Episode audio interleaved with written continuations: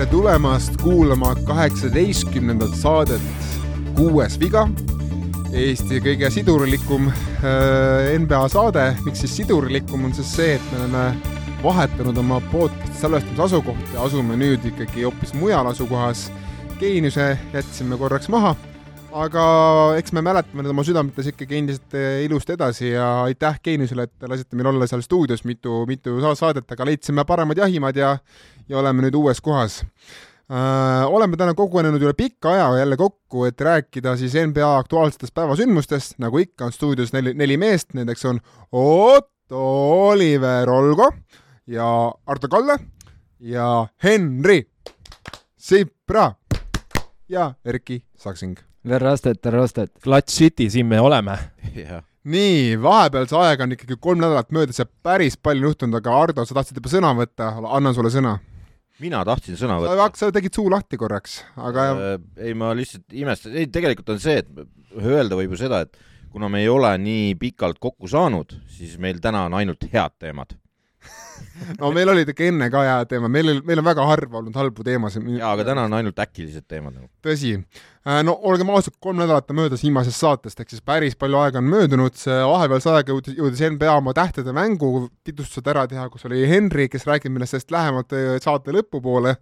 Äh, me ei hakka sel teemal pikemalt praegu peatuma, aga võtame ette, enne kui me lähme selle kõige magusama osa juurde, vahetused, võtame ette natukene ma korraks sõidan ikkagi sisse, et enne, enne kui lähme magusamate teemade peale, siis äh, eelmises saates me pidime kõik ütlema midagi ilusat Ardo kohta, eks hääled, värgid, särgid, aga, aga müts Henri ei olnud eelmine saade, Henri kohta, oli see. ei, Ardo oli eel-, enne Henrit, see oli siis üle-eelmine. nii. nii.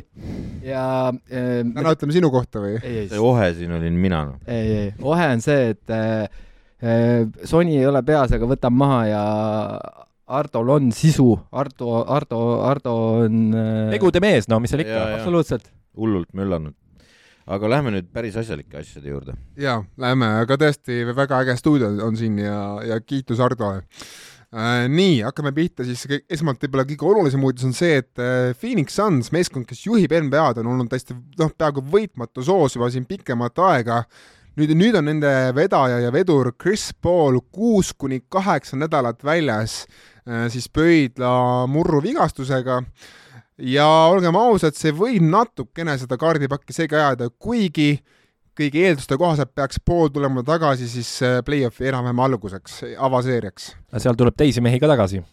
tuleb ka teisi mehi tagasi, nagu näiteks Raymond Green, kes andis siis allstar nädalavahetuse ajal mõista, et ta tuleb tagasi umbes kahe kuni kolme nädala pärast.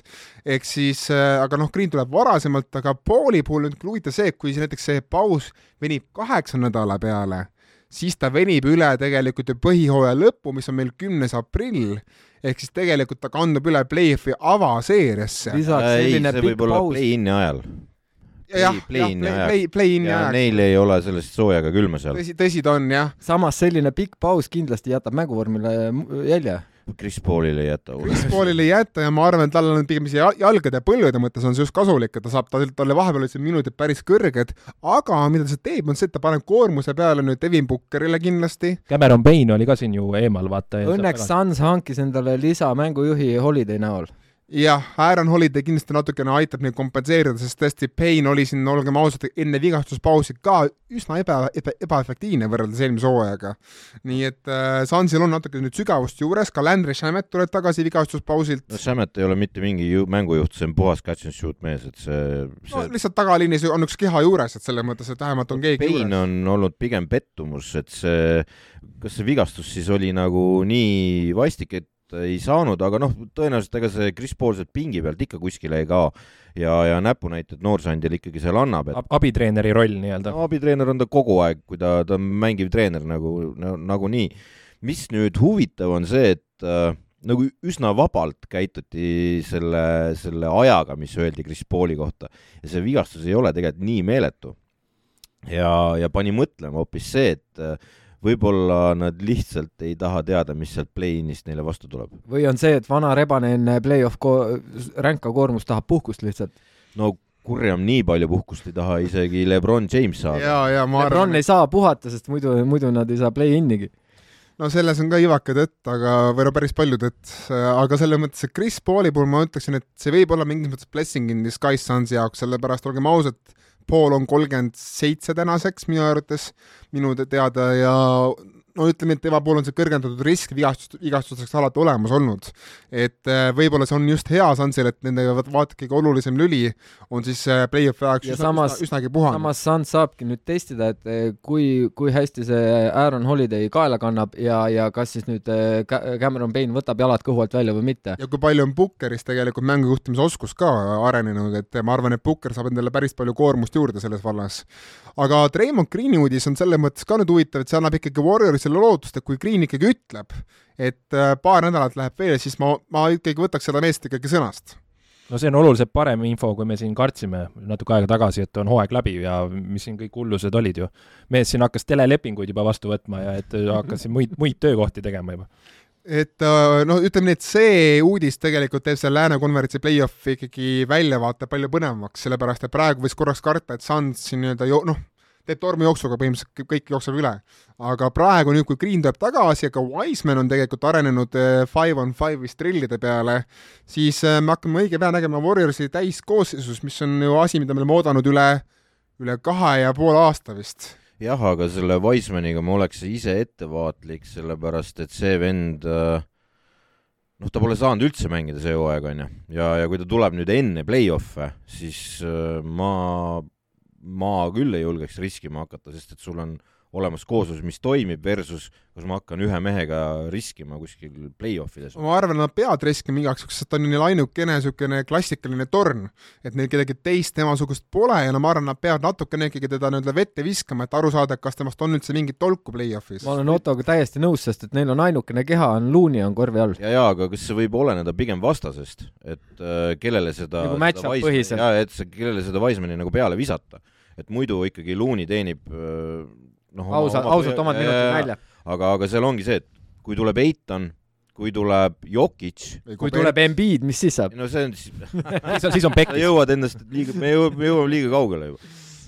aga, aga jah, ma kardan, et see võib olla match-up based variant seal, et, et teda kasutatakse, aga ma kardan, see võib episoodiliseks jääda esialgu no tõen-, tõenäoliselt siin, see nii on, ma, mina lihtsalt ootan seda, et lõpuks saab ka Warriorsi kaitse, mis siin vahepeal, siin enne Allstar breaki näitas natuke lagunemise märke tegelikult, et see saab jälle hoo sisse. aga samas me teame ju põhjust, miks see kaitse lagunes, sest et Raymond oli vigane. no ta mõnda aega püsis ikkagi enam-vähem koos, aga nüüd see lõpupoole hakkas juba vaikselt nagu järk-järgult lagunema. ja kiire plaak ka siin teisel podcastile, JJ Rediku oma, kus Raymond käis, sealt sai ikka väga head infot selle Warriorsi mindset'i ja kõige selle juurde, kuidas see kokku pandi Äh, asjad, mida me ei saaks kunagi lahata, seal räägiti lahti, et ja seal ka Treimond ütles, et Treimond, Clay Thompson, Curry ja Looney, kui, kui need mehed on koos, siis tuumik toimib ja sööt liigub ja, ja ta rääkis ka sellest, kuidas Curr nende sinna juurde tuli ja noh, kõik need ajad sinna juurde no enne kui oleme nüüd vahetuste ja niisuguste buy-out meeste juttude peale, kes siin on praegu kõlapinda tekitanud, siis ma ikkagi nomineeriks korraks ka ära ka Josh Giddy, kes on tegelikult nüüd siin viimased paar nädalat ikkagi päris oot, oot, oot, oot, ärme nüüd tormame ette, ruukide rubriik tuleb okei okay,, ma jätan selle au sulle, aga ma ütlen lihtsalt ära, et enne seda allstar breaki mees ikkagi tegi kolm kolmiktublit järjest ja siin ikkagi sellest poisist ikkagi ütleme nii, kogu Austraalia on praegu vaimustuses. mitte ainult Austraalia. no ta tegi Oscarit. et ütleme nagu... nii, keda huvitab Ben Simmons enam Austraalias, kui on olemas Josh Giddy. see on põhimõtteliselt nagu kolm äh, Balti riiki, Estonia, Lithuania, Austraalia geograafiatunnis Erki vist ei käinud, kui, kui, kui Indiat jagati. ei no lätlased ei ole lihtsalt rahvus jamage nüüd. kuue varb-, nad on viiega tegelikult ikka. oi, Erki, Erki. mulle meeldivad lätlased, see Kristof Borzingis.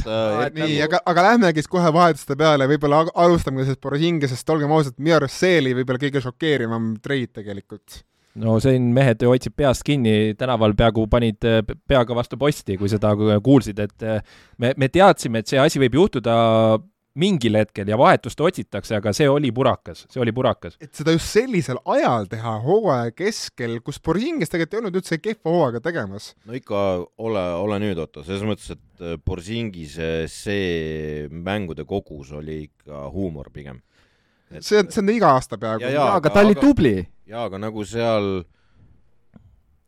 äh, öeldi, et äh, noh, kaotad mängu ja siis vaatad, ai, jah, KP-d ei olnud jälle, et aga ma pean tunnistama, et äh, kui kõikidest äh,, kõikidest nendest treididest, mis vaadata, eks ole, noh, enamus on seal Oise, Harden ja Simmons ja see, on ju, siis kõige üllatavam oli siiski see KP treid, et see tuli nagu välk selgest taevast ja mille vastu, mille vastu see, see välja vahetati? teise lätlase. teise lätlase ja Dinvidi vastu ja noh, kohati ikka kuradi ebaloogiline vahetus nagu üleüldse, rahaliselt mängib jah, see välja, täpselt, aga, aga nagu mõtestatust kaitses annab Tallas sellega jõhkralt ära, ühtegi rim protectorit enam null tiimi peale, mitte midagi alles ei jäänud sinna. Bertans, kes mängib sama positsiooni nagu Borsingis muidu, kaitses täiesti kasutu ju.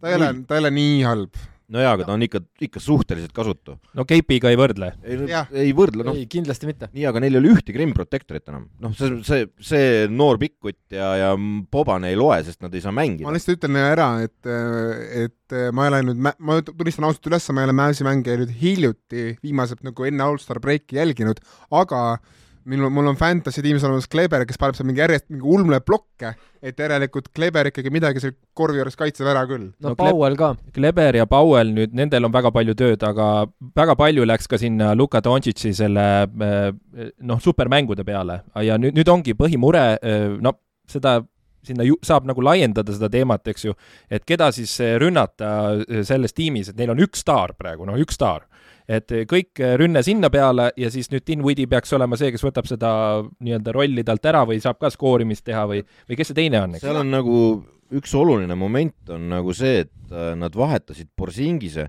kes vormi poolest ei olnud halb, ta protsendid, äh, tema käitumine väljakul oli super, kui ta oli väljakul.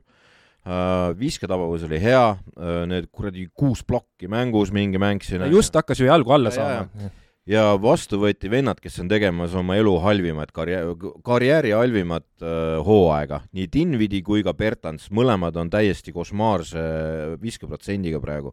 et noh, Dinvidi oli väga õnnetu üldse seal vist, on ju, äh, selle Washingtoni üle ja, ja Bertansi visketabavus on kuskile kadunud äh, ära, nagu karjääri üle neljakümne protsendi mees paneb madalat kolmekümmend praegu. no seal taustal on, eks ju, see piilitujud veel, eks ju, mis talle meeldib, ei meeldi ja mis raha või, või, või mis väärtuse eest Härrele ära anti, nagu see oli ka niisugune üsna aga minu arvates see on juba muster Härreliga, kusjuures see on ikkagi muster, mees on juba kolme aasta jooksul visatud välja kolmest tiimist päris kiiresti. et ma arvan, et Härrel natukene on seal ka natukene ehitamas endale nagu reputatsiooni niisuguse nii-öelda noh, Peter Player. draama queen'ina, ütleks siis nii. ma ei ole sellega nõus, ma, ma, ma sellega ei ole nõus, me jõuame selle Härreli vahetuseni küll, aga ütleme, see Borsingise asi äh, räägime näiteks sel-, noh, okei okay,, Tallas Tallaseks, eks ole, Luka teeb seal mingit ulmelist seeriat, eks ole, ja, ja hakkab ennast sinna MVP jutuajamisse vägisi sisse ajama, eriti kui see Sansi teema veel, et näiteks Sans hakkab ära kukkuma, eks ole, ta vist nii kaugele ei saa kukkuda. kuus pool mängu on äh, teine maas. päris, päris suur vahe. aga, aga endiselt nagu Tallas teeb praegu head minekut, mängib kaitset endiselt, aga nüüd, kui, kui me räägime nüüd sellest teisest poolest, ehk siis mis saab Kristas Borzingisest et äh, siin meil spetsialist nimega Sipra on, et, et mis, mis, mis tema väljavaated seal Washingtonis sinu arust üldse on nüüd? no esimene reaktsioon, ta on ka päris hea näitleja, see mees, nagu oma, oma nende reaktsioonidega, ma ei, ei ole mitte midagi kuulnud tema vendadelt, äh, mis seal toimub, need on siis tema nii-öelda mänedžerid, kõik need taustajõud, kõik sinna juurde aga põhimõtteliselt nüüd natukene piilikõrva, piil on ju ka väljas, eks ju. et kui ta nüüd saab mängima, siis võtmed on tema käes põhimõtteliselt, et tee, mis tahad äh, ja nüüd ma saangi aru, et siis äh, Kuusmaga äh, seal ehitavad mingit sõprust või nä näiliselt vähemalt, et on juba öelnud välja, et ma, sain kohe aru, et see linn hakkab mulle meeldima ja mingi niisugune, niisugused see linn on minu ja see linn on minu ja siis paneme need laulud siia taustale mängima, eks ju. aga et mul on tunne, et Borsingis natukene teadis juba kuklas, et kui kui see hooaeg või järgmine, et äh, seal ilmselt ei tule seal Tallases see asi nii välja, nagu nad arvasid alguses, alguses oli kumba hea, äh, kuidas see asi, me lootsime.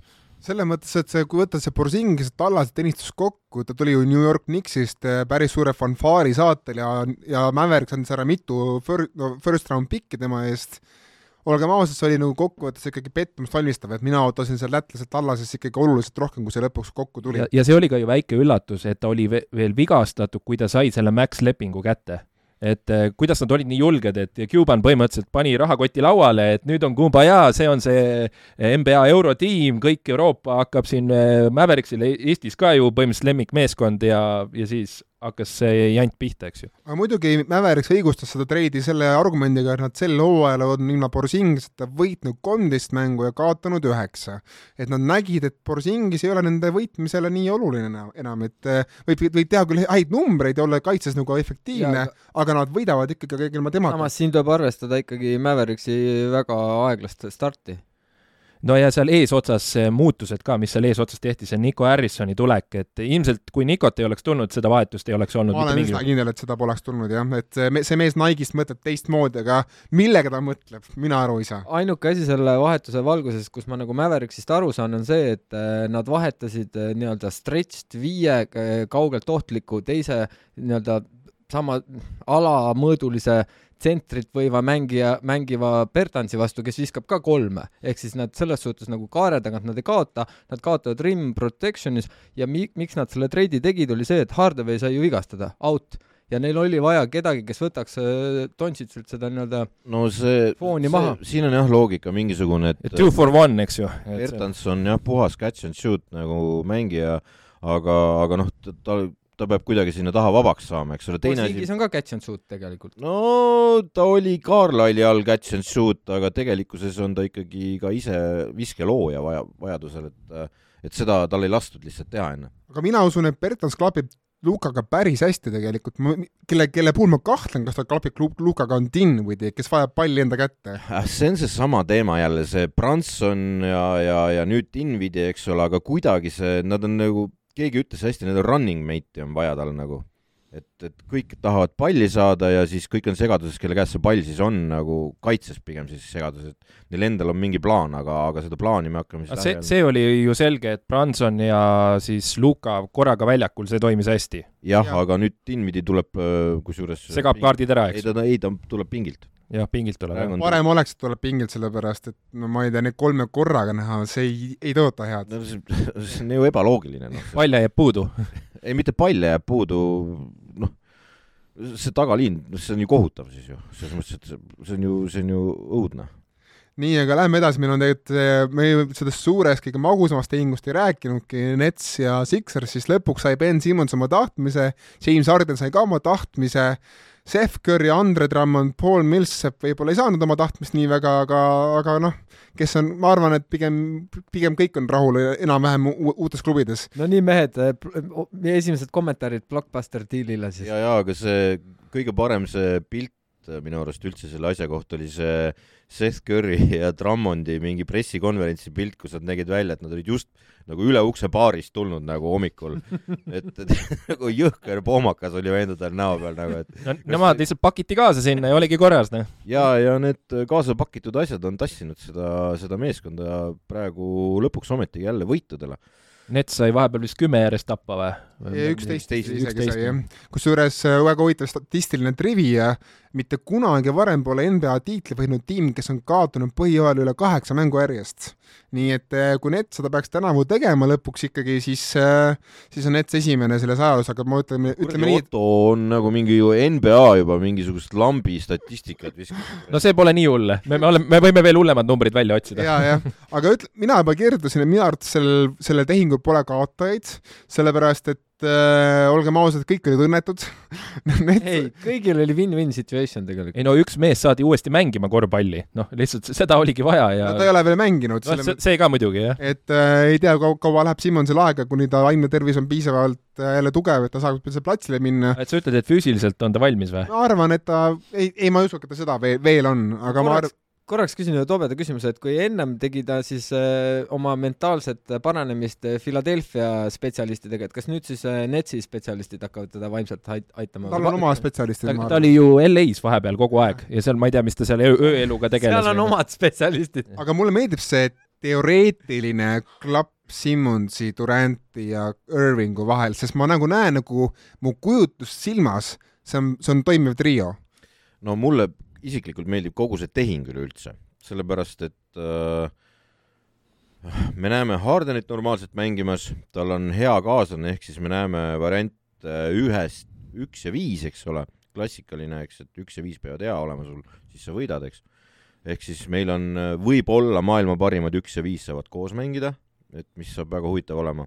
teisalt me saame näha teiselt poolt, et Ben Simmons mängib korvpalli jälle ja Netsi tagaliini kaitse saab hoopis teise hingamise. Vise on neil ju tagaliinis Kairi Irvingu näol olemas, nüüd veel Seth Curry seal, eks ole, Paddy Mills, Harris vist ei tule see aasta tagasi või? ei tea. tuleb ikka. aga noh, viskamist on neil seal piisavalt, eks ole.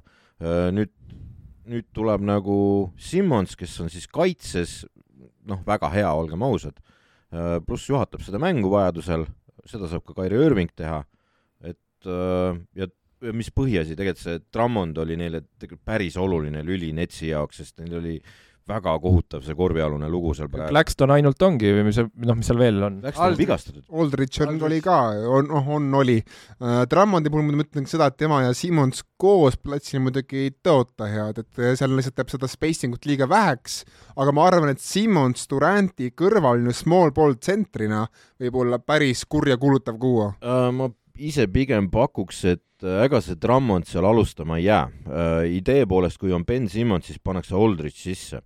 et Aldrich tõmbab laiali selle mängu uuesti. et äh, on pakutud ka seda varianti, et KD kolmeks ja, ja Simmons nelja peale üldse.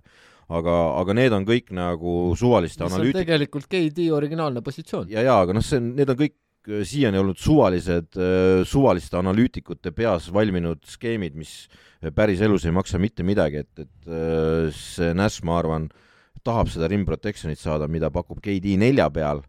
Ja, ja Simmons ei ole harjunud nelja mängima, olgem ausad, ta on sealt tagant äh, nende, nende endale ebavõrdsete vastaste vastu harjunud lammutama. samas Simmons ta on Embiidiga harjunud mängima. Simmons on nii all around guy, et kaitses ta võib mängida positsioone üks kuni neli kindlasti viis. ja viis ka teatud puhkudel loomulikult. aga keskenduks korra ka Philadelphia poolele, et äh, kas äh, kas see Seth Curry kaotus, kaotus võib tegelikult olla palju valusam, kui me oska, oskame eeldada, sellepärast et Seth Curryl oli tekkimas ikkagi väga dünaamiline koostöö Embiidiga ja Harden oma loomult on ikka hoop-, hoopis teistsuguse stiiliga, kui seda on Curry või Maxi.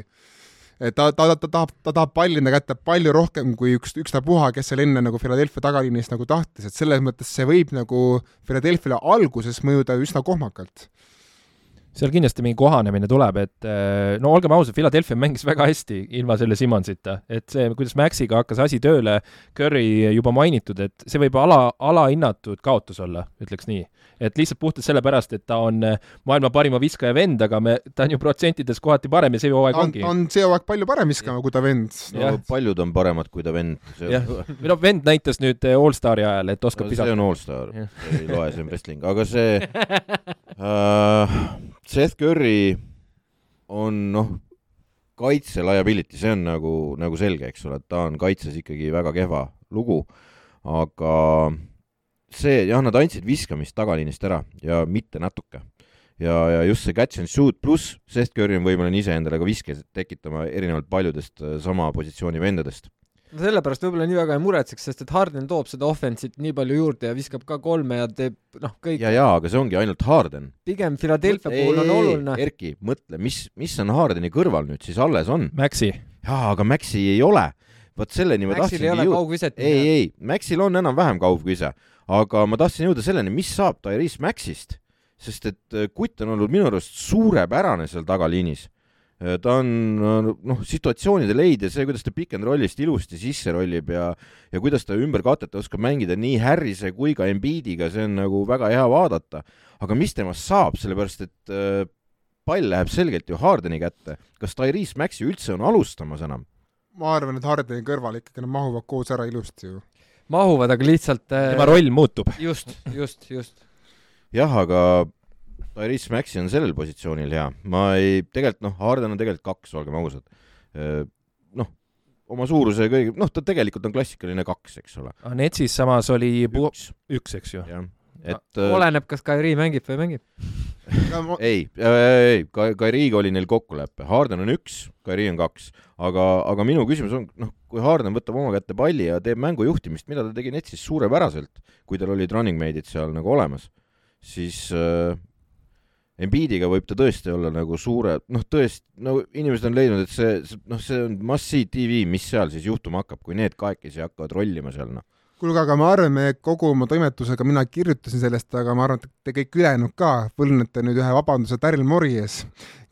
me ju kõik siin kuulutasime pikemat aega, et ei saa Ben Simmons eest Mori mingisugust superstaari ja kurat ära ootas, ära ootas mehe ei, aga ta sai, aga ta andis nagu, nagu ikka kõvasti vastu. ta pani ühe mehe juurde, ütleks ma. no ja, ja, tram-, mitte okay. Drummond isegi, Steph Curry ja või noh. okei okay,, mehed ei. meesteks äh,, tegelikult on see, et win-win, kõik võitsid, Philadelphia säilitas oma kaitse Green'i ja Tibülle nä-, mhm. Tibülli näol ja ehk siis Harden toob täpselt seda, millega, mis kurja anti tagant ära, aga mis on kaalukeeleks selle diili, selle treidi puhul, on need pikid, mis Nets sai ja kui nüüd peaks Philadelphia minema uuesti tanking või trust the process süsteemiks siis need pikid võivad olla väga, väga, väga väärtuslikud tulevikus. ma lihtsalt ütlen ära, et üks pikk on nüüd tuleb see aasta, mis ei saa olla okay, väga kõrge. Olla, aga järgi... ja, ja üks pikk oli kaks tuhat kakskümmend seitse, no jumal teab, mis seisus. no selle aja peale, selle aja peale on Embiid out of league. ainukene asi, mille, mis mind nagu selle murelikuks teeb, on siis Doc Rivers, et no, just, et just. tal on nüüd tõenäoliselt võib-olla praeguse hetke oma positsiooni kaks maailma parimat mängijat ja ajalugu on näidanud, et see vend äh, suudab maailma... tülli minna igaühega. ei, mitte tülli minna, vaid ta ei suuda nendest meestest äh, võitjaid teha, noh. kuidas ta Hardeniga üldse läbi saab, on mingisugust, me teame, et Hardenil on neid ärihuvisid on metsikult. ma arvan, et saavad hästi läbi, tal pole muud, muud varianti lihtsalt. Doki, Dok, Dok treenerina on ju ikkagi staarmängijatele Pepu pugev treener, nii et selles suhtes nad saavad üsna hästi läbi. ja jah, aga seal ongi nüüd see probleem, et äh, see, mis sa just ütlesid, ma ei hakka seda kordama, aga on limiit täis. aga, ja, ja ma ei saagi, jah. ja oota, mis, ja teine nali, mis seal oli, et Steph Curry, oota, kas enda tütrega väimees, väimees, eks ju, et ta just rääkis, et ma tõingi Steph Curry ainult sellepärast meeskonda, et äh, nii-öelda seda perekondlikku sidet luua ja siis nüüd saati mees ära, eks ju. ei no see on lihtsalt see küsimus, kas Doc Riversi sõna maksab seal meeskonnas või ei maksa, noh. Morri sõna maksab. no vot, aga väljakul on no eks nad on samal tasemel, mis siis, et üks ei no see on, kui palju on siis selle mehe vastu seal austust, ma ei, ma ei kujuta ette, eks ole, et äh, siiamaani suurte staaridega Doc Rivers ei ole hakkama saanud, et äh, et äh, Bostoni päevilt on nagu ette näidata, aga me kõik oleme, me oleme seda juba siin vestelnud, sellest blablabla bla, bla, eks ole, lihtsalt see on minu ainukene hirm äh, selle juures, ma tahan hirmsasti näha, kuidas Harden ja Embiid koos mängivad, aga mis saab play-off ides ma just ütlen vahelduseks, vahelduseks ära, me pidin saatega järgi olema see sae teema, Borsingise teema ja siis saate pidi olema Nets, aga ma teen ettepaneku, et jätame need rubriigid seekord ära ja räägime veel vahetustest, sest neid on, on lihtsalt nii palju veel. ja neid buy-out äh, värki on ka olnud, et no,, et räägime just, on nõus ja nagu me siia juurde mõte oligi, et me mingil hetkel rääkisime oma, omavahel, et CJ McCollumi äh, vahetus oli ainus, äh, mis on kõige, kõige, kõige jõhkram blockbusteri tasemel, mis üldse tuleb. Ja siis tuli plahvatus, metsik plahvatus nagu, mis siin vahetustega toimus aga McCollum, siis võimegi tulla tema juurde tagasi, ta on nagu, ma ütleks, et äh, Borzingise ja Hardeni ja Simmons järel ta on üks nii-öelda kõvemaid nimesid, kes ära vahetati, seal oli üks leedukas on veel. ei, see jah, see teine, Aliburtonid ja need, et see oli, see oli nagu see oli järgmine okay,. võtame jah, pigem selle, et see oli natukene kurioossem jällegi, mina, mina, mina, minu jaoks oli see samal skaalal, kus see Borzingise treid, sest ma nagu, ma ei mõista päriselt siiamaani lahti seda Kingsi äh, Kingsi loogikat, et sa vahetad ära andeka tagamehe, kellel on veel lepingut, ütleme viis aastat, viis aastat järel tegelikult, koos äh, pikendusega, mis nagunii tavaliselt rukkidega ära tehakse, ja sa võtad asemele väga talendika ja hea leeduka, aga tal on ainult kaks aastat lepingut järel ja ta ta ei aita su tiimil tegelikult jõuda lääne play-off'i, minu arvates. aga ta võib aidata play-in'i jõuda? no praegu, praegu ütleme nii, et eh, seal Pelicans ja Spurs, need, need on ka ilmselt väga kõvasti hakkavad nendega võistlema. sul on usku, et King suudab play-in'is võita kaks mängu järjest? ja asi ei ole selles, ma arvan, et eh, neil on küsimus üldse sinna play-in'i jõudmises, siis nad saavad justkui taguda rusikaga vastu rindu, et me ikkagi ei ole need, kes välja jäid. me vältisime seda ja, rekordit. ei no nad ei, nad ei väldi, kui nad ei saa play-in'ist play-off'i, selles mõttes. Play-in on nagu vaese mehe play-off on ju. jah, aga seal no on, ma arvan nad on võitma hakanud, neil on, Sabonisele meeldib öö, mängida seal Foxiga koos vist, on ju, ja, ja kuidagi klapib vist, et, et on ju hästi läinud praegu praegu neil on äh, neli-kuus on viimased, äh, ei kaks järjest kaotasid enne breiki ka, et neil oli vaata see esimene mäng oli super hea, kõik ütlesid, et oi, nii hästi pole sööte kunagi liikunud ja siis läks rabedaks jälle. no Sabon on parim söötja neil nelja peal pärast Chris Webberit, see on selge. Neil pole olnud pikka aega nii, et söötjad seal all, noh, Cousins seal ajapikku arenes heaks söötjaks, aga ta alguses oli ikkagi paras isetseja, olgem ausad et äh, Sabon on neil nagu selles mõttes söödu mõist-, mõistes, mõistes, neil ei ole pikka aega olnud nii head söötjat all, aga see tiim tema ümber on endiselt sama kehv no seal ongi see, et ma, ma usaldan sada protsenti Sabonist, aga null protsenti Sacramento Kingsi seal enam-vähem see ongi, kõik, kõik, mida teha saab ja mitte teha, on äh, Kingsi taga kinni. ja lihtsalt Halliburton oli pagana efektiivne kott, et ta, ta oli tõesti efektiivne viskaja ja sa võtad, sa paned Saboni kokku Foxiga, kes ei ole, olgem ausad, kunagi hiilanud tegelikult efektiivsusega, ta vabaviskajad alati on niisugune madalad seitsmekümnendad ta kolmesada on olnud niisugune alati niisugune kolmkümmend kolm, kolmkümmend kaks, kas see on nagu see dünaamiline duo, kes, kes viib, kes veab kunagi Kingsi edasi või? ideaalne variant oleks olnud, et Halliburton ja Sabon oleks kokku jäänud embal-kumbal pool siis, eks aga no ju siis nagu Pacers nõudis hinge hinda Saboni seest ja nad said ka selle Kingsi käest kätte, kes, kes on ju siis meeleheitel, et on vaja kuidagi ennast tõestada fännidele, et on vaja mingisugust muutust jälle luua. ja põhiline ka see dünaamika, et vaat me rääkisime siin ühest ennest, eelmisest vahetusest, et äh, Borsingis, eks ju, lääne seal play-off'i tiimist äh, siis äh, ida sellisesse meeskonda, kes noh, võib-olla jõuab play-in'i, siis see vahetus, mis me nüüd rääkisime, kus Sabonis ja Halliburtoni vahetus, mõlemad on siis tagant kolmandad meeskonnad ja Pacersi puhul me räägime sellest, et äh, pigem ongi tänk, eks ju, et sealt, sealt ei roni enam välja ka, nad on äh, viis või ütleme, et järgmisest tiimist, et tõusta, nad peavad viis mängu rohkem võitma ja see on juba väga raske ja siis on Washingtonil veel kaks mängu, nii et Pacersil on tänk põhimõtteliselt. aga mul on hea meel Rick Carlisle'i üle, mina arvan, et Halliburton, Duarte, Hild on küll väga Carlisle'i mõõtud trio, sest äh, kõigil on väga hea vise, kõigil on oskus, okei okay,, Hillil vähem, aga Halliburtonil ja Proctonil, kui ta tuleb kunagi tagasi ja kes see veel nüüd oli, Duarte, neil kõigil on olemas ka natuke ka shot creating skill'i, ma arvan, et äh, Carlel on küll praegu väga rahul, et ta sai niisuguse vahetuse. no just, tema sai oma seda, mida Carlel oskab, ehk siis ründemängijaid puhtaid, eks ole, kes see, see, mida ta Tallases tegi. ja, ja noh,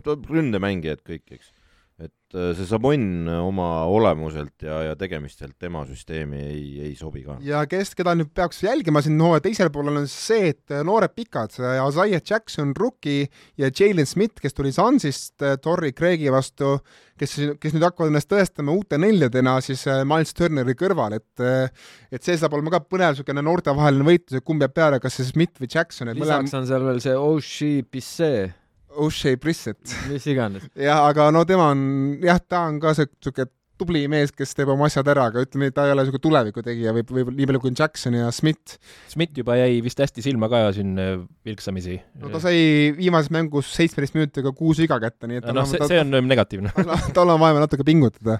Äh, meil on veel paar olulist vahetust, no lähme siis McCollumi vahetuse juurde, et äh, ma olin alguses selle treidi vastu sest ma tundsin, tundsin korraks, et äkki noh, kas Pelicans nüüd läheb sellest väga palju paremaks, aga arvestasin Argo juttu selle Zioniga ja üleüldse, kui raske on meelitada üldse mingisuguseid kõvemaid tegijaid New Orleansisse, siis pagan, ma, ma, ma enam ei ole selle vahetuse vastu, ma arvan, et see oli ikkagi tegelikult korralik vahetus. no numbrid on ka seda näidanud, mis McCollum seal praegu korraldab, on ikka kuradi punkti sadu, teine asi, Ingram on kuidagi vormist väljas praegu vist et äh, no Ingram peab kohanema uue rolliga, et pall on ikkagi oluliselt rohkem nüüd DJ käes, kui seda oli varasemalt Ingrami käes. jah, seal mängitakse seda, seda kleepuvat palli hirmsasti, on, on siiani olnud see, et, et jääb ikkagi ühe mehe kätte.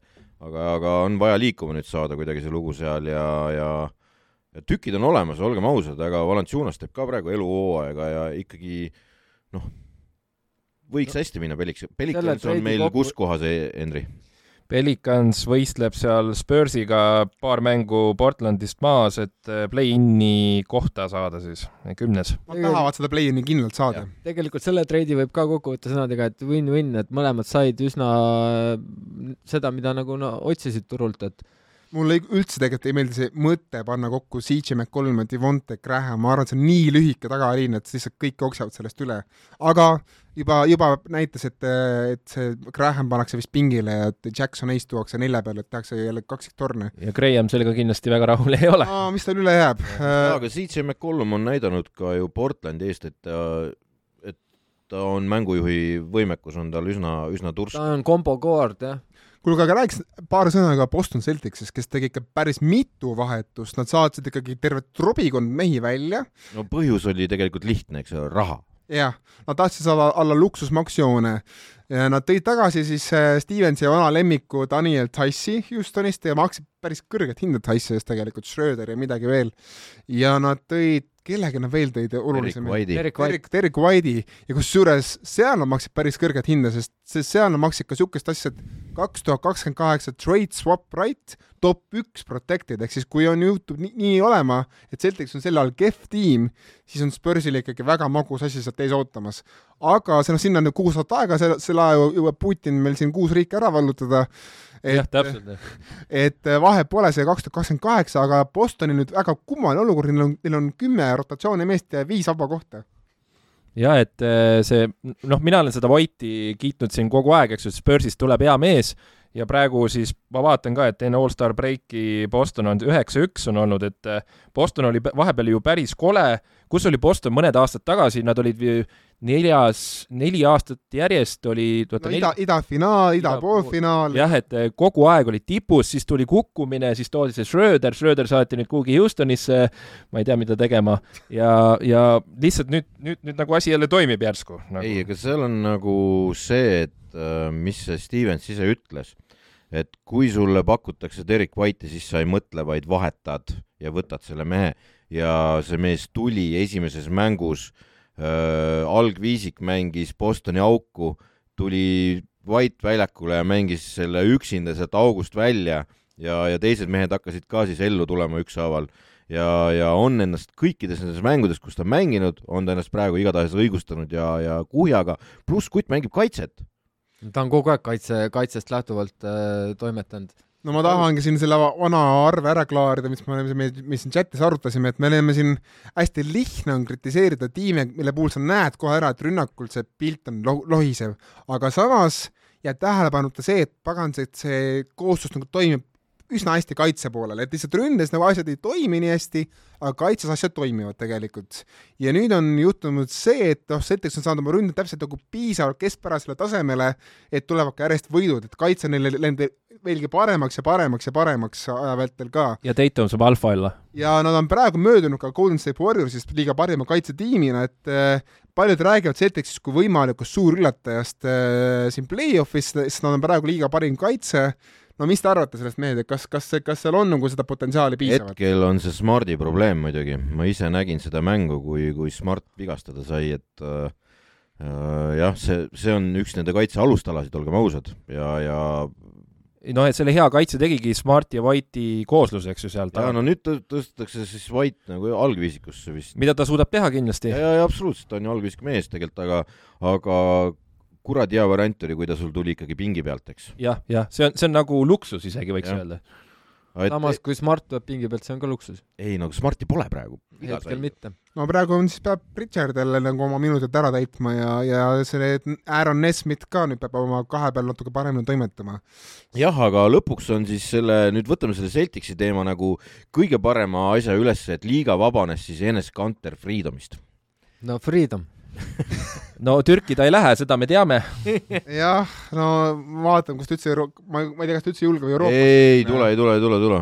nüüd ta on Ameerika kodanik ka, eks ju? jah, ma arvan, et ta nüüd maandub seal G-liigast kuskil tõenäoliselt hakkab seal uuesti või, või võib-olla mitte, sest tegelikult on ju tiime veel, kes otsivad tegelikult neid veteranist eh, mehi seal oma pingi lõppu, et mine tea, äkki saab kuskil võimaluse vot oli vaja tal oma asjad ära rikkuda, Euroliigas saaks praegu niimoodi tööd, et paha hakkab, noh ja Euroliigas oleks ta väga-väga tegija keha. jah, sest need otsivad praegu ja neil kohe ju ka tähtaeg käes, eks, aga ei saa seda, see ei tule siia ju. Türgi meeskonnad kusjuures otsivad Kallastas sa ei, ei, aga kas meil on mõni, mõni oluline vahetus veel, mille me oleme tegelikult kõik olulised on ära rääkinud? no üks, mille me eelmiste, eelmises vahetuste saates äh, pihta panime, et Härrel ja Ish-Schmidt, et äh, mina panin pihta ja sina ütlesid Ish-Schmidti, mina koba ütlesin peale. ja mina, mina, ei, mina ei pannud koba, kui mina panin koba. Härrel peab minema Hornetsisse, et see on hea vahetus. Ma ei nõustu, kui me tuleme nüüd selle Härreli jutu juurde, mis sa enne rääkisid, et, et ta on mingi kipitaja seal äh, riietusruumis, eks lihtsalt praegu oli Washingtonil selline olukord, kus neil oli kolm võrdse tasemega tsentrit. Ja teada oli, et mitte ainult Härrel, vaid nad kõik käisid peatreeneri juures kogu aeg kurtmas, et äh, kuulge, mänguaega tahaks saada, et mida te pullite, ma olen, vaata, kes ma olen, et miks ma ei saa mänguaega. ja siis me Ottoga siin üks saade ju imestasime, et, et üks mäng alustab üks nagu tsenter, siis teine, siis Härrel oli üks mäng ju kolmas tsenter alles, eks ole. ja mõnes mängus eh, nendest kolmest ei saanud keegi üldse minuteid. ja, ja siis oligi, et noh, noh, sellest laulis kogu Ameerika meedia, et, et nendest eh, keegi läheb. ja, ja minejaks oli Härrel, no sama hästi oleks see võinud olla, noh, Toomas Bryandit no ei anna ära, see ei ole mõistlik tegu. see on pike, pikema lepingu all ka. jaa, aga ta on noorem kutt ka. noorem ja ta on eh, oluliselt parem mängujoonisele, sest et ta tõmbab laiali mängu ja nii edasi uh,.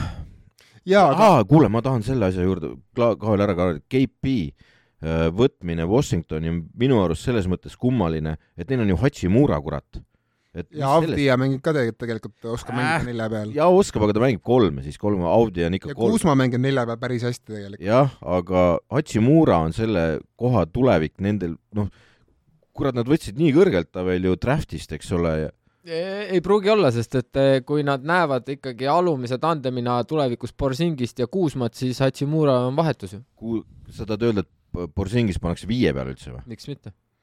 ei kesta ära, nagu me oleme mitu korda juba rääkinud siin saates, aga ma lihtsalt ütlen, et eh, see jutt oleks loogiline Ardo minu jaoks siis, kui nad ei oleks saanud vastu niivõrd vähe härrel eest, nagu nad said. Nad said vastu kolmekümne kolme aastase min-, miinimum, noh, täiesti, tegelikult täiesti olematu raha eest saadavale Ishmiti ja, ja, ja, ja tsentri, kellel pole mingit tulevikku enne. ja, ja, aga see oligi see iva, et nad ei jõudnud seda, kõrvad jooksid seda samust vett juba neil, sest et äh, seal oleks riietusruumis jube hapuks läinud et ja seda Härrel oskab hapuks ajada. ja seda oskab Härrel seda oskab vist Cafford ka suhteliselt hästi. et äh, nad, nad pidid tegema mingi liigutuse, et jumala eest saaks minema vennad, eks. et äh, noh, selle liigutuse nad tegidki, nüüd on kõik rahul, meeskonnas on rahu majas, sest keegi ei käi laulmas, kuidas ta mängida ei saa. Ja nad said tegelikult, Ish Smith on päris hästi mänginud see hooaeg, kui ta on mängu saanud ta ikka on ära tassinud ka selle Hornetsi. ta teeb selle rekordi, ma ei tea, kas ta on juba rekordmees klubi vahetuste osas äh,? nüüd ta sai jälle klubisse, kus ta on olnud juba varem ah,. et, et siis seal... see, see rekord praegu ei uuenenud. ta oli jah, kolm aastat tagasi. Äh, nüüd Piliga võideti äkki aasta-kaks juurde või, või, või mis see noh, vaatame seda asja, et mina, mina Pili olukorras nagu oleksin ikkagi murelik, et noh, Borisingis kõik teavad ju, mis, milline ta tervis on, et kas, kas tiim nagu tegelikult läks oluliselt paremaks. äkki Pili seisukoht oligi nii, et tehke midagi, vaata, et ta ütles, et see ma arvan, et pigem omanik ütles, et tehke midagi, omanik oli öelnud seal Raul, ta tahab iga aasta saada play-off'i, ükstapuha, mis hind seal ei, ei ole. lihtsalt olla play-off'is, jah? kas võime vahetuste virvarri kokku võtta aga räägime sainid ära või? Uh, üks asi, üks väike asi, et Milwaukee Bucks võttis igaks juhuks Lopesi garantiiks või nii-öelda nagu back-up'iks, kui Lopes ei tule tagasi, Serge Ibaka, kas sellel on mingisugust mõju teie arvates või, või see on juba natukene nagu niisugune pigem no, nagu me eelmises saates vana vesi. see on võib-olla minu jaoks on see see, nagu me eelmises saates rääkisime, et äh, Clippers tahtis lihtsalt suurest lepingust lahti saada ja see on sama nagu Boston tahtis lu alla luksusmaksu saada. tegelikult ju Paks vajas ühte pikka meest juurde, nad tegelikult igaks juhuks, igaks juhuks Ibaka on ikkagi, äh, tal on või-, tal on äh, kogemused, ta on NBA tšempion, tal on pikk karjäär selja taga, ta viskab kaugelt ja ta on ikkagi, okei okay,, ta ei ole enam rim protection, aga ta on ikkagi alumine kaitse no ta et... on ikkagi üsna hale vari sellest, mis on Search Ibaka kunagi olnud no,, eks ole. seda, seda niikuinii. Eh, taga tegid ka mingi täienduse, Konakton, eks ju, on väljas, eh, kas nad võtsid selle Pembri üles või, või oota, mis seal oli? Pembri, Pembri nad võtsid free agent'ist, aga see on siuke aga no äärel on neil ikkagi suhteliselt katastroofne seis, ma ütleksin praegu natukene mm. -hmm. Äh, aga hea küll, võtame need, need sign'id ette, et noh, tegelikult ei ole ju, noh, neid on kaks tükki, millest me saame rääkida, üks on siis Tristan Thompson, kes läks nagu Bullsi ja annab Vutševitšile nagu kümme minutit puhkust ja teine on siis Goran Dragic, kes siis täna, kakskümmend kaks veebruar, kui me seda saadet salvestame, läks siis Netsi Steve Nashi suure meelitustöö tulemusena. mistõttu Bembri tuli lahti lasta? ja mina nagu sellest Dragici nagu natukene ikkagi ei saa väga hästi aru, sest minu arust nagu tagaliinis ei ole ju Netsil päriselt probleemi. ma ei saa aru, kustkohast see mees seal minuteid saama hakkab sama, saan... sama roll, mis Raptorsis, noh mina, mina saan aru sellest sest.... jääb Miami'sse ühesõnaga või no Hardeni nad andsid ju ära ah?. Hardeni nad, nad no, andsid. selles mõttes jah, et okei okay,, senikaua, kuni see vaktsiinimandaat seal New Yorgis kehtib, tõepoolest Dragicil on roll nendes mängudes, kus Kyrie Irving ei mängi. et sellega ma, ma olen nõus. mis on enamus mänge vist praegu tõsi, tõsi, see on enamik mänge nüüd sellel põhijooajal on jah, nii, aga play-off'is, kui nagu Irving saab pooltes mängudes mängida, no siis nendes mängudes, kus ta nagu saab mängida, kas sa paned Dragicit sinna mängu ja kui sa, kui sa paned, siis kui kauaks? see on jah väga keeruline kahe peal on ikka jube tihe, seal kahe, kahe peal on, on, on tal ikka, Nashil ikka jõhker valik praegu, selles mõttes, et reaalselt liiga parimad viskajad on kõik nende juures ja, ja need catch, need on catch and shoot. ei, liiga parima ühe viskaja nad andsid ju ära Hardeni yeah.? ei no see oli ühe peal, Harden mängis ühte seal. aga Curry tuli vastu? Curry tuli vastu, Curry võimeline ise viset tegema uh,, Harris on puhas catch and shoot uh,, ja nüüd Mills on ka Mills catch and shoot catch, pigem. Mills tehti catch and shoot'iks ma just mõtlengi, millised Dragic ja sul on see, ka seal on Irving, sul on seal Cam Thomas kahe peal, sul on oh, see kutt on hea olnud, oi, oi, oi, oi, vot sest see on üks asi, millest aga sellepärast Dragic kut... võib-olla toodigi, sest et Cam Thomasel siiski ei ole seda, noh, esimene aasta no,. kuidas ta play-off'is, kuidas ta play-off'is välja veab. Niisiis äh, see teine teema. Thompson või? jah, minu arust Chicago poolt suurepärane valik, noh no mis neil paremat seal võtta oleks olnud ja, üldse praegu? siin polegi eriti paremat varianti. aga ta ei ole kehv mees, ta ei ole ka praegu kehvas vormis et ta te, läheb ja teeb halvemini seal midagi enam teha ei saa, kui seal, seal praegu nagu selle asemel kõik on. tal tuleb kolm pruuti ette panna ja siis tal on tegevus. aa, Henri tuli ära jaa, ma ootasin. no ta on selle välja teeninud, olgem no, ausad. ütleme ausalt, et Arturas Karnisovase valikud enam ei ole mõtet kahelda, et see mees tunneb ära vajalikud puudused ja oskab neid mehi leida. eks ta sai aru, et see to-, Tony Bradley on ikkagi nii vilets tükk, et äh, ja Vutševitšile vahetust oli ilmselgelt tarvis jah, aga üks asi, millest siinkohal peab veel rääkima, on äh, äh, Cousins ja Denver, ehk siis praegu on siis seal õhus see küsimus, kas mees saab nüüd hooaja lõpuni lepingu ära või ei.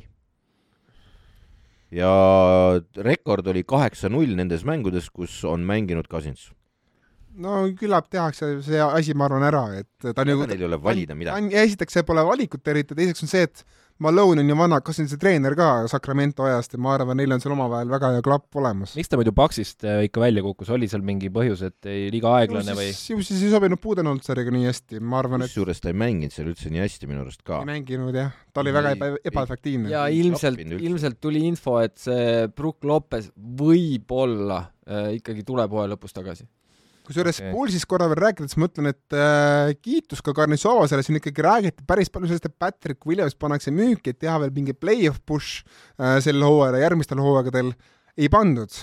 et Garnissovas ikkagi tajub ära, et sellele Williamsi kutile, kes on olnud hooaja avamängust saadik siis väljas, on tulevikku NBA-s ja tal on helge tulevik. no miks muidu ta neljas valik oli? jah nii, aga kas meil on nüüd, hakkab lõpp lähedale jõudma, ma tahtsin küsida ära oma küsimuse äh, mis mulle on antud sõna iga kord ja lubatud küsida üks küsimus. nüüd ma tahaks siis küsida, et kas AD vigastusega ongi kõik nüüd või? selles, selle, selle Lakersi hooajaga. äkki räägiks selles järgmises saates võib-olla natukene või? ei, aga ma küsin kohe praegu. no so soojenduseks ütleme, et kisub sinnapoole küll. kisub sinnapoole et väga keeruline on, seal, seal on see vigastus on niisugune mi miinimumkuu vist, kuu aega. Lakersil on selles mõttes, et äh, esiteks ma ütlen kaks, kaks olulist kuupäeva ära, esiteks esimene märts on viimane kuupäev, mil siis saab sõlmida lepinguid nende meestega, kes tahavad veel ka play-off'is mängida. ehk siis Lakersil on natukene veel teoreetilist aega seal teha mingeid väikseid korrektuure teine asi on see, et Lakersil on hooaja lõpuni NBA raskused neljas mängude kalender kisub sinnapoole tõesti.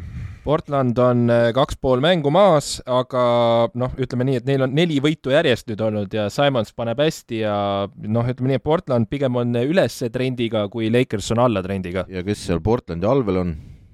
seal all on Spurs ja Pelicans, kes Võt võiksid täpselt need kaks meeskonda tahavad sinna saada. ja Sacramento ka veel tahab sinna saada. noh, Sacramento tahab paljuski uh,. E mul on üks küsimus, et äh, palju Lakersil neid vabu roster spot'e on? ei ole, nad peavad kellegi loobuma no,, nii et nad peavad Basemore'i või Ellingtoni ära andma, mis iga noh. mis ei ole suurem, suurem. kõige raskem ei ole, aga, aga ikkagi, mis see sinna jah. nii, aga er, Erki, sinu rubriik. minu rubriik on, minu rubriik on see, mille kuidas Golden State'il siin nüüd sinu arust läheb siis Golden State'iga on see, et äh, juba eelmine kord ma ei tahtnud liiga vara kirema hakata Clay Thompsoni teemadel, aga aga nüüd võib julgelt välja öelda, et et ta ei ole veel sada protsenti tagasi, aga ta on õigel teel, ta on õigeid mänge teinud ja, ja ta on võtnud nii palju seda nii-öelda äh, auru kurri pealt ära, et äh, noh, okei okay,, Warriors Warriorsiks, Warriors on õigel teel ja nad püüavad Sunsi kinni. aga millest ma täna rääkida tahtsin, on äh, rookid, et äh, me ei ole, me ei ole ruukidest väga palju rääkinud, äh, mõned saated räägime hooaja lõpus neist pik-, pikemalt. no ma, ma kiresin Gidist juba varem, aga noh, Otto kires veel ennem, kui keegi üldse ei teadnudki, kes Gidi on. aga kutid, üks küsimus, et äh, kas võib juhtuda, et äh, kuigi Rookie of the Year läheb tavaliselt Simmonsile ja sinna on veel väga palju aega, aga kas võib juhtuda, et sel aastal me näeme taaskord üle aastate Rookie of the Year'i jagamist Gidi ja Mobli näol? Või seda ei, ei juhtu? see seal, Mobley saab selle endale, sest Cavs on olnud niivõrd hea tiim. ja, ja Mobley on olnud kaitses nende alustala ja lihtsalt, kui sa näed, kuidas Mobley mängib, no ma kui olen... sa näed, kuidas Gidi mängib? ma näen seda, ma näen viletsa võistkonna. ma vaatan, ma vaatan väga tihti, kuidas Gidi mängib ja ma ütlen juba praegu, et Mobley on fucking special nagu selles mõttes, et vabandust, Robert Gidi on ka special. ta on ka special, aga Mobley on, ma, ma, ma ei tea, ma, ma, ma One up ma saan aru, et see kõlab natukene võib-olla suurustlemisena praegu, aga ma ütlen, sellel kutil on natuke Kevin Garnetti sees, mitte niivõrd nagu iseloomu poolest, aga see, kuidas ta mängib. või Tim Duncanit ei, aga see tal ei ole seda plahvatuslikkust, aga tal on see all around game. ma tooks veel siinkohal selle ka mängu, et äh, Mobley on mänginud hästi hooaja algusest saadik. Gidi on alles nüüd hakanud hästi mängima, et ta Gidi... oh, jään eriarvamusele. kutt, kutt ta ikka alguses käperdas päris kõvasti ja proovis harjuda selle NBA-ga, et äh, tal võttis see aega, nüüd on ta ära harjunud, nüüd ta teebki oma triple-double'id ja nii edasi, aga see, nüüd on natukene hilja juba. et äh, aga Mobley tuli kohe ja hakkas põmmutama, et see, noh, tal on kõik eeldused ka muidugi antud sealt ülevalt poolt äh, aga, aga jah, ma Gidil on ka kõik eeldused välja arvatud ise. mis on treenitav. ei noh, asi ei ole nendes eeldustes, ma räägin, et tuligi vend, tundis ennast kohe mugavalt ja kõik oli hästi nagu. Gidil on läinud kuust kuusse paremaks, aga see alguspunkt oli tal võrreldes Mobliga liiga allpool. ja seal ka see, et äh, sa saad mängida, noh, mis ta on, praegu Cleveland on neljandal kohal, sa saad nii heas tiimis esimesel aastal äh, oled alustav mängija ja veel kol-, ja veel kolmekümne minuti mängija. ja kandev jõud. kandev jõud. nii, kuulge, mehed, meil hakkab aeg otsa saama, Optibet ai. no mis see, kes, kes, kellel veel raha järgi on? oota. Erki äh,, Hendrik, mul on. kas sa, Hendrik, kas sa kuulasid muidu viimast saadet ka, muidu ma küsin huvi pärast üle. Äh,? seda rubriiki ma ei jõudnud kuulata. aga rääkige mulle siis jooksvalt lahti, et Nii, kuidas teil läks. Kes alustab, ma alustan, ma olen jätkuvalt äh, oma viie euro peal, ootan seda põnevusega, ei ole raatsinud võtta pikki panuseid välja, võib-olla oleks pidanud Washingtoni võtma, aga noh, oleks-poleks, lähme edasi miljonär Otto on nüüd järgmine. Äh, sa siis jäid, Henri, sellest ilma, et ma viimases saates natukene siin jagasin oma rõõmupisaraid, ma tegin kolmesajast eurost üle viiesaja euro. oh sa pagan äh,! siis ma tegin niisuguse topeltvanuse, kus oli koefitsient oli kuus ja ma panin sinna sisse viiskümmend eurot ja sain kolmsada eurot. oh sa pagan, oh sa pagan! aga ma olen sellest saadik alates kaotanud ja no, no, no ikka juhtub, natukene saad. ma olen tänaseks langenud umbes sinna mingi neljasaja kahekümne peale, nii et väga ilus number, äkki, äkki tahan jääda sinna. no jaa, aga heategevusele Toidupangal või, või mis iganes me välja valime. ütleme nii, et mul on olnud eh, üheksa kaotavat panust ja üks võitev panus pärast seda suurt hiilgepanust.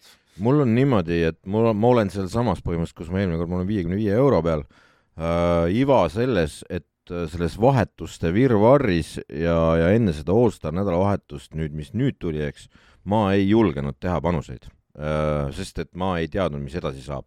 Kõik juhtus nii ootamatult seal, nad hakkasid mehi vahetama, siis need mehed võetakse välja, nad ei mängi järgmised kaks mängu umbes, sest et nad, ma ei tea, Tassi kohta öeldi üldse, et vend pole Rocketsis mängida saanud ja sellepärast on täitsa vormist väljas, äh, me ei anna talle, Udoka ei anna mänguaega kohe, et ta tuleb, me teeme ta musklisse uuesti ja nii edasi. ma ei julge, lihtsalt ei julgenud enam panustada, sest et ma ei teadnud, kes täna õhtul ära vahetatakse nagu. mida ma julgen teha nüüd pärast seda allstar breaki on, on hakata julgema panustama Sansi vastu aeg-ajalt, mitte, mitte tihti, aga aeg-ajalt ja ma julgen tõenäoliselt ka panustada veelgi rohkem, kui ma seda varasemalt tegin Memphise võitude peale, sest nad ei vahetanud kedagi ära ja neil on seesama tuumik säilib ja ma arvan, et see kokkumäng nende vahel saab minna ainult, ainult paremaks. ja neil tuleb vigastusest ka häid me-, alg-, algviisiklasi tagasi. veel tagasi veel ka, et selles mõttes ma arvan, et Memphise peale tasub panustada küll ja ka ja ma arvan, et ka Bostoni peale ma julgen panustada rohkem pärast seda White'i vahetust. jaa, aga siis jälle said lambi kaotuse, neil oli niisugune mängude rida käimas. ja Pistons kaotab. Pistonsile said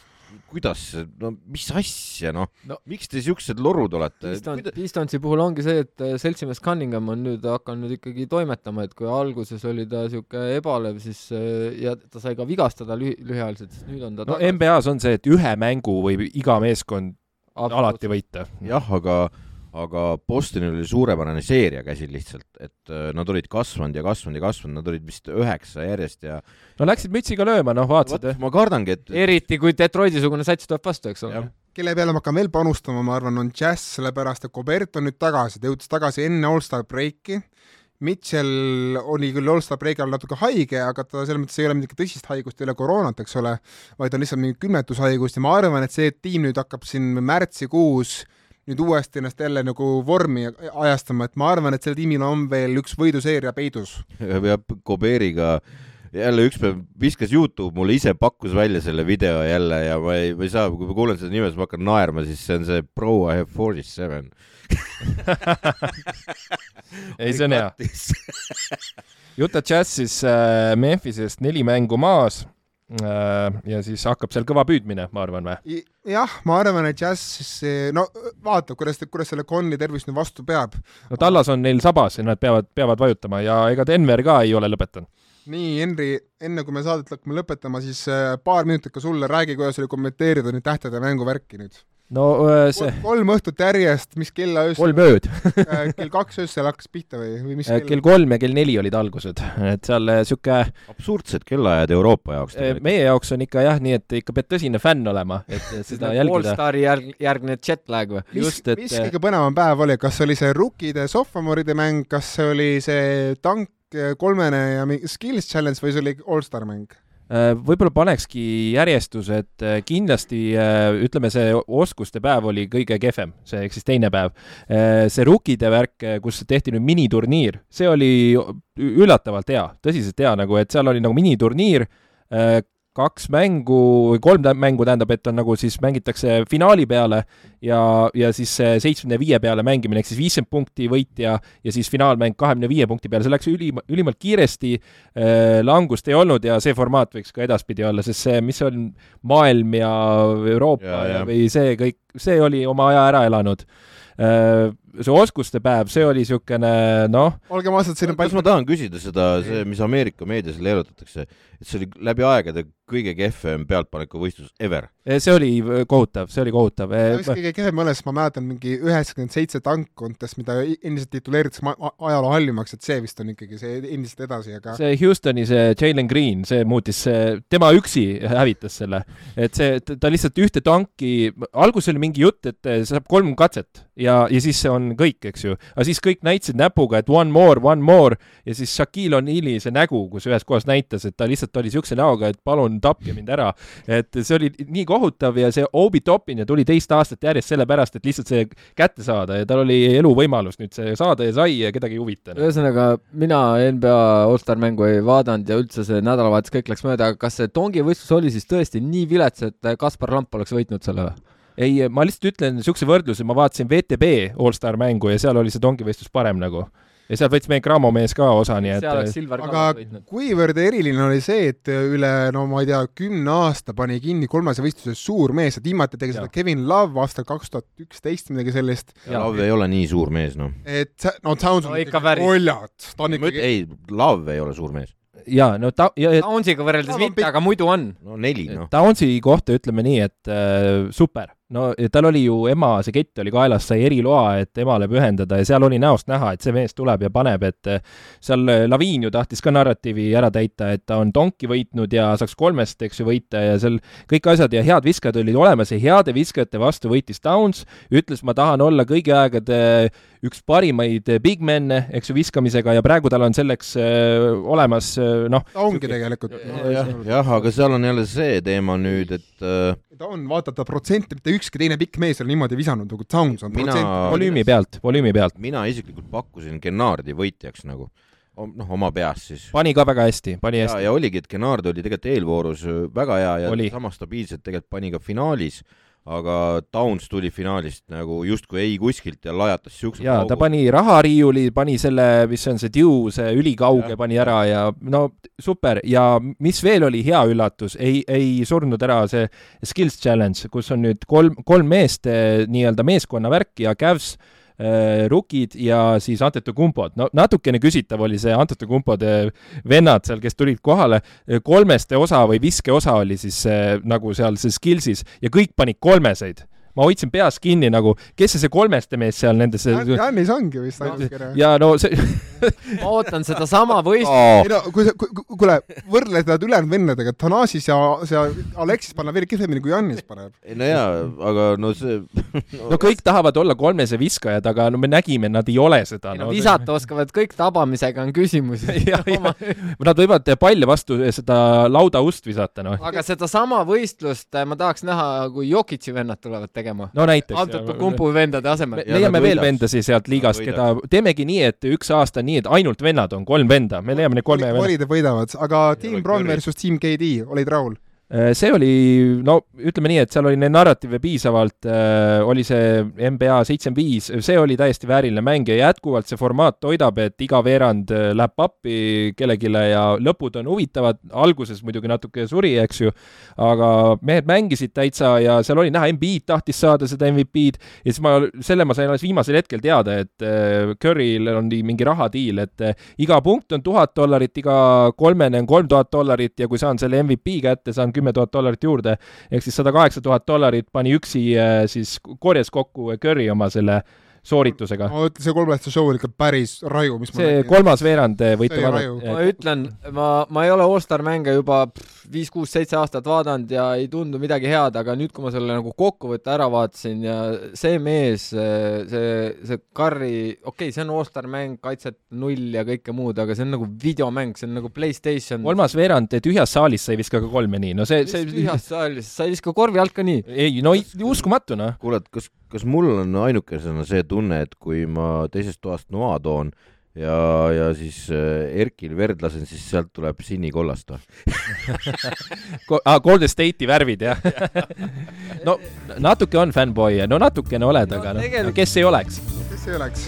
kuulge, meil oli väga pikk saade ja väga sisukas saade, aitäh, et kuulasite ja järgmise korrani! olge mõnusad!